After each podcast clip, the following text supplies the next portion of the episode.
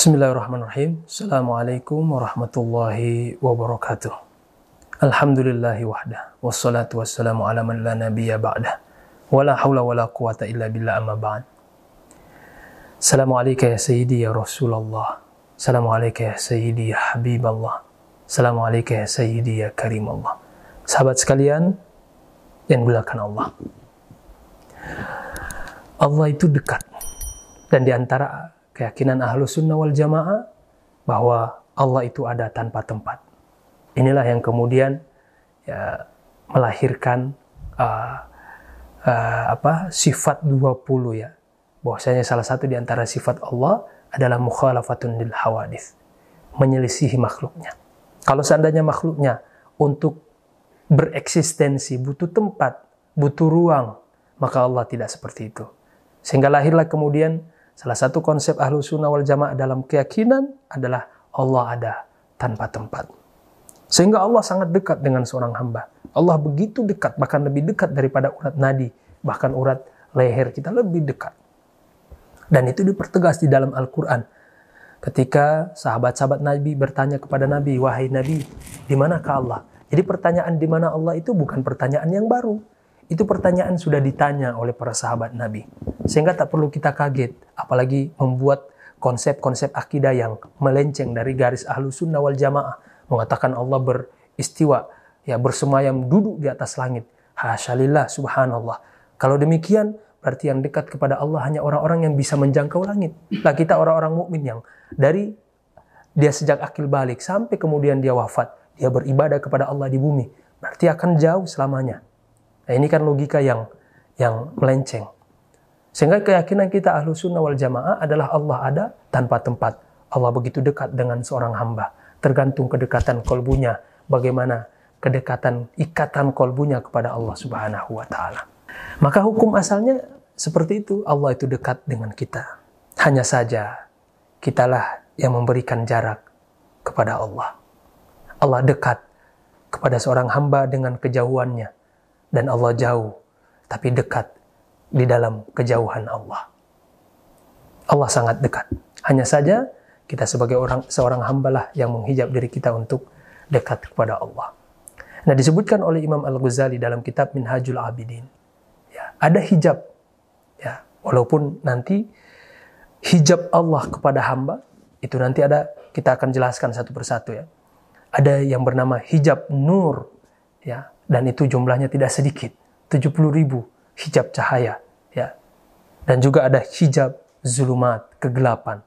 Allah menghijab dalam tanda kutip ya dirinya dengan 70 ribu ke kegelapan ya. Walaupun uh, hijab ini tidak melulu berkonotasi yang jelek atau negatif karena kalau seandainya Allah tidak menghijab tanda kutip dirinya alam semesta kita semuanya akan hancur tidak kuat ya. Jangankan Allah menampakkan tanda kutip dirinya, tajaliatnya Allah berupa nurnya saja itu sudah bisa menghancur leburkan gunung yang ada di Tunis ketika Nabi Musa alaihissalam meminta untuk diperlihatkan wujud Allah. Ya, maka Allah tegaskan, ya, jangan dulu engkau meminta ya uh, kepada saya untuk melihat wujud asliku, ya. Karena kan Nabi Musa meminta kepada Allah, ya. Rabbi arini anzur ilaik, wahai Tuhanku, perlihatkan wujudmu agar aku bisa melihatmu. Nah, di sini dari sinilah kemudian para ulama kita mencoba ya menjelaskan bahwa Allah itu bisa dilihat. Karena mustahil Nabi Musa meminta untuk diperlihatkan kalau Allah itu tidak di, tidak bisa dilihat. Ketika Allah memperlihatkan tajaliatnya, Allah mengatakan, "Jangan dulu wujudku. Saya akan berikan kepadamu tajaliat yang di mana kalau kita terjemahkan baru bayang-bayangnya Allah. Bayangannya saja sudah bisa menghancurkan gunung. Ya. Makanya Allah tegaskan coba kamu lihat itu gunung. Kalau gunung itu masih kokoh di tempatnya berarti kamu bisa melihat wujud asliku. Ya ternyata oh, ternyata gunungnya hancur lebur. Ya baru penampakan tajaliatnya Allah Subhanahu wa taala Nah sahabat-sahabat sekalian itu masih berbicara tentang hijabnya Allah. Belum kepada manusia, kepada diri kita yang menghijab diri kita kepada Allah. Nah hijab kita sebagai manusia ya, yang menghalangi kita untuk dekat kepada Allah ya yang disebutkan oleh para ulama kita beberapa di antaranya adalah dunia sahabat-sahabat sekalian. Ternyata dunia ini bisa menghijab diri kita untuk dekat kepada Allah Subhanahu wa taala. Maka kalau kita ingin dekat kepada Allah ya lepaskan dulu dunia dari kolbu kita. Dengan cara apa? Dengan cara zuhud. Ya, yaitu meletakkan dunia hanya di tangan kita dan tidak memasukkan dunia sampai kepada ke dalam kolbu. Karena Allah itu cemburu jika kolbu kita, kolbu ini kan tempat tajaliatnya Allah. Maka Allah cemburu kalau di dalam kolbu kita ada nama selain namanya. Maka Allah enggan untuk bertajaliat. Allah enggan untuk mendekat kepada hamba yang di dalam kolbunya ada nama selain namanya. Maka kita dituntut oleh para para ulama kita, para ulia kita untuk ya, mujahadah melawan hawa nafsu kita dengan cara menyingkirkan dunia dari dalam kolbu kita yaitu dengan zuhud. Yang kedua, hijab kita ya jauh kepada Allah. Kita yang menghijab diri kita jauh kepada Allah. Hijab yang kedua adalah manusia. Terkadang manusia sesama kita bisa menjadi hijab, ya, bisa menjadi penghalang kita untuk dekat kepada Allah. Makanya Rasulullah kemudian mempertegaskan almaru ala dini khalili. Seorang itu tergantung agama temannya. Dengan siapa dia berkawan, ya dengan itu pula nanti dia akan mendapatkan hasilnya. Ketika dia berkawan dengan orang-orang soleh, dengan orang-orang yang mencintai Allah Subhanahu wa taala, orang-orang yang senantiasa merindu Allah dan Rasulullah, maka dia akan tertarik untuk kemudian cinta kepada Allah, cinta kepada Rasulullah. Tetapi kalau sebaliknya, maka kita siap-siap terhijab uh, dengan Allah ya. Maka selektiflah dalam memilih, maka salah satu solusi yang ditawarkan oleh para ulama kita adalah dengan uzlah ya tentunya ini harus dengan bimbingan guru atau dengan mencari komunitas, membuat komunitas-komunitas yang sesuai dengan visi misi kita, sesuai dengan langkah kita untuk mendekat kepada Allah Subhanahu wa taala. Hijab yang ketiga ya, yaitu hijab yang berasal dari diri kita adalah ini dia, syahwat. Syahwat ini hijab terbesar seorang hamba ya untuk dekat kepada Allah. Hijab inilah yang bernama aku yang selalu menghalangi diri kita untuk dekat dengan Dia. Maka salah satu ya cara kita untuk dekat kepada Allah adalah dengan mujahadatun nafas ya, mukhalafatun nafas, menyelisihi hawa nafsu kita. Bersungguh-sungguh ya melawan hawa nafsu kita. Karena hawa nafsu kita selalu mengajak kepada keburukan Inna nafsala ammaratun bisu. Dan ini juga yang disebutkan oleh Al-Arif Billah Ibnu Athaillah Sakandari.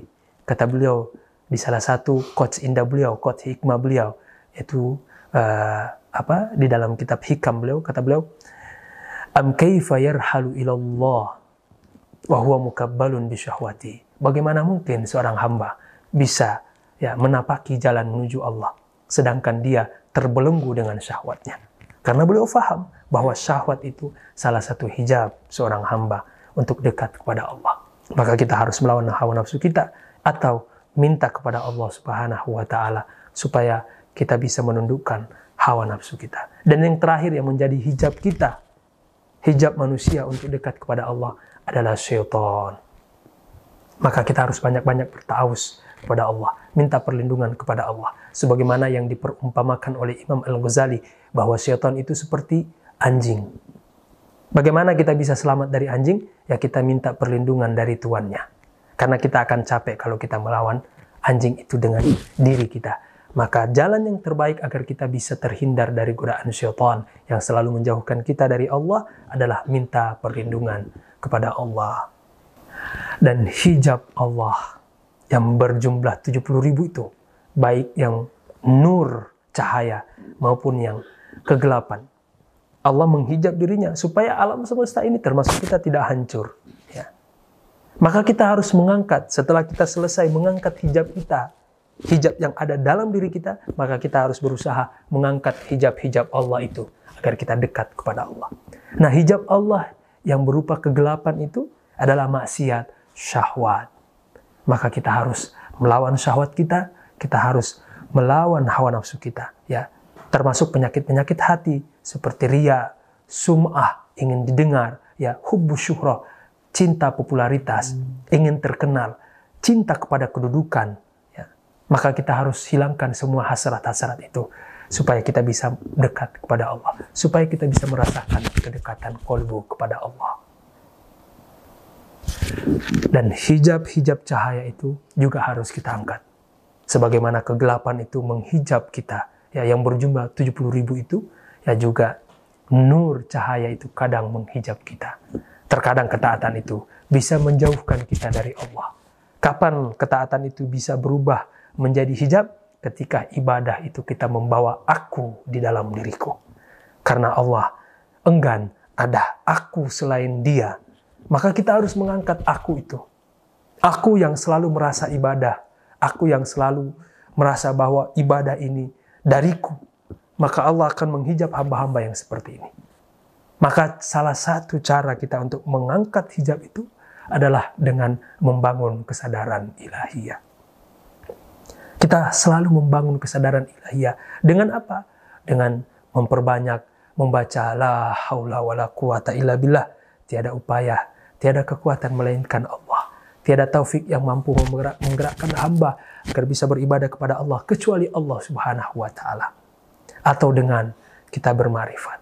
Karena orang yang mengenal Allah mustahil dia akan menduakan Allah. Dia kenal Allah, dia tahu siapa dirinya, dia tahu siapa Allah. Bagaimana mungkin dia bisa riak dalam taatnya? Karena dia tahu yang menggerakkan dirinya bisa beribadah kepada Allah adalah Allah juga. Terus apa yang dia sombongkan? Seperti orang yang dipinjamkan mobil, ya.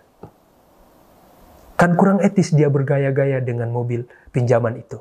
Maka orang yang sadar bahwa mobilnya itu hanya pinjaman, dia tidak akan pernah sombong. Sama seperti seorang hamba yang berada di makom la haula wala quwata illa billah. Tidak akan pernah sombong ketika dia faham dirinya, ketika dia tahu dirinya, ketika dia mengenal Allah, maka dia tidak akan pernah sombong.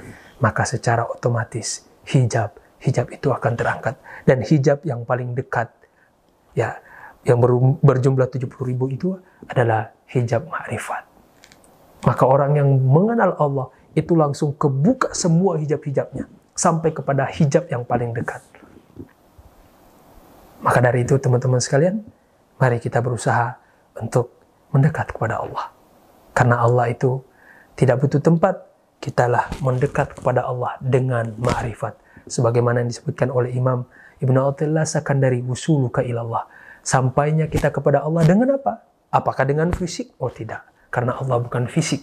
Allah non materi sehingga kita tidak perlu fisik kita untuk mendekat kepada Allah. Tetapi Allah, kita akan sampai kepada Allah dengan kolbu kita, dengan ilmu kita, dengan ma'rifat kita kepada Allah Subhanahu wa taala. Billahi taufiq wal hidayah. Assalamualaikum warahmatullahi wabarakatuh.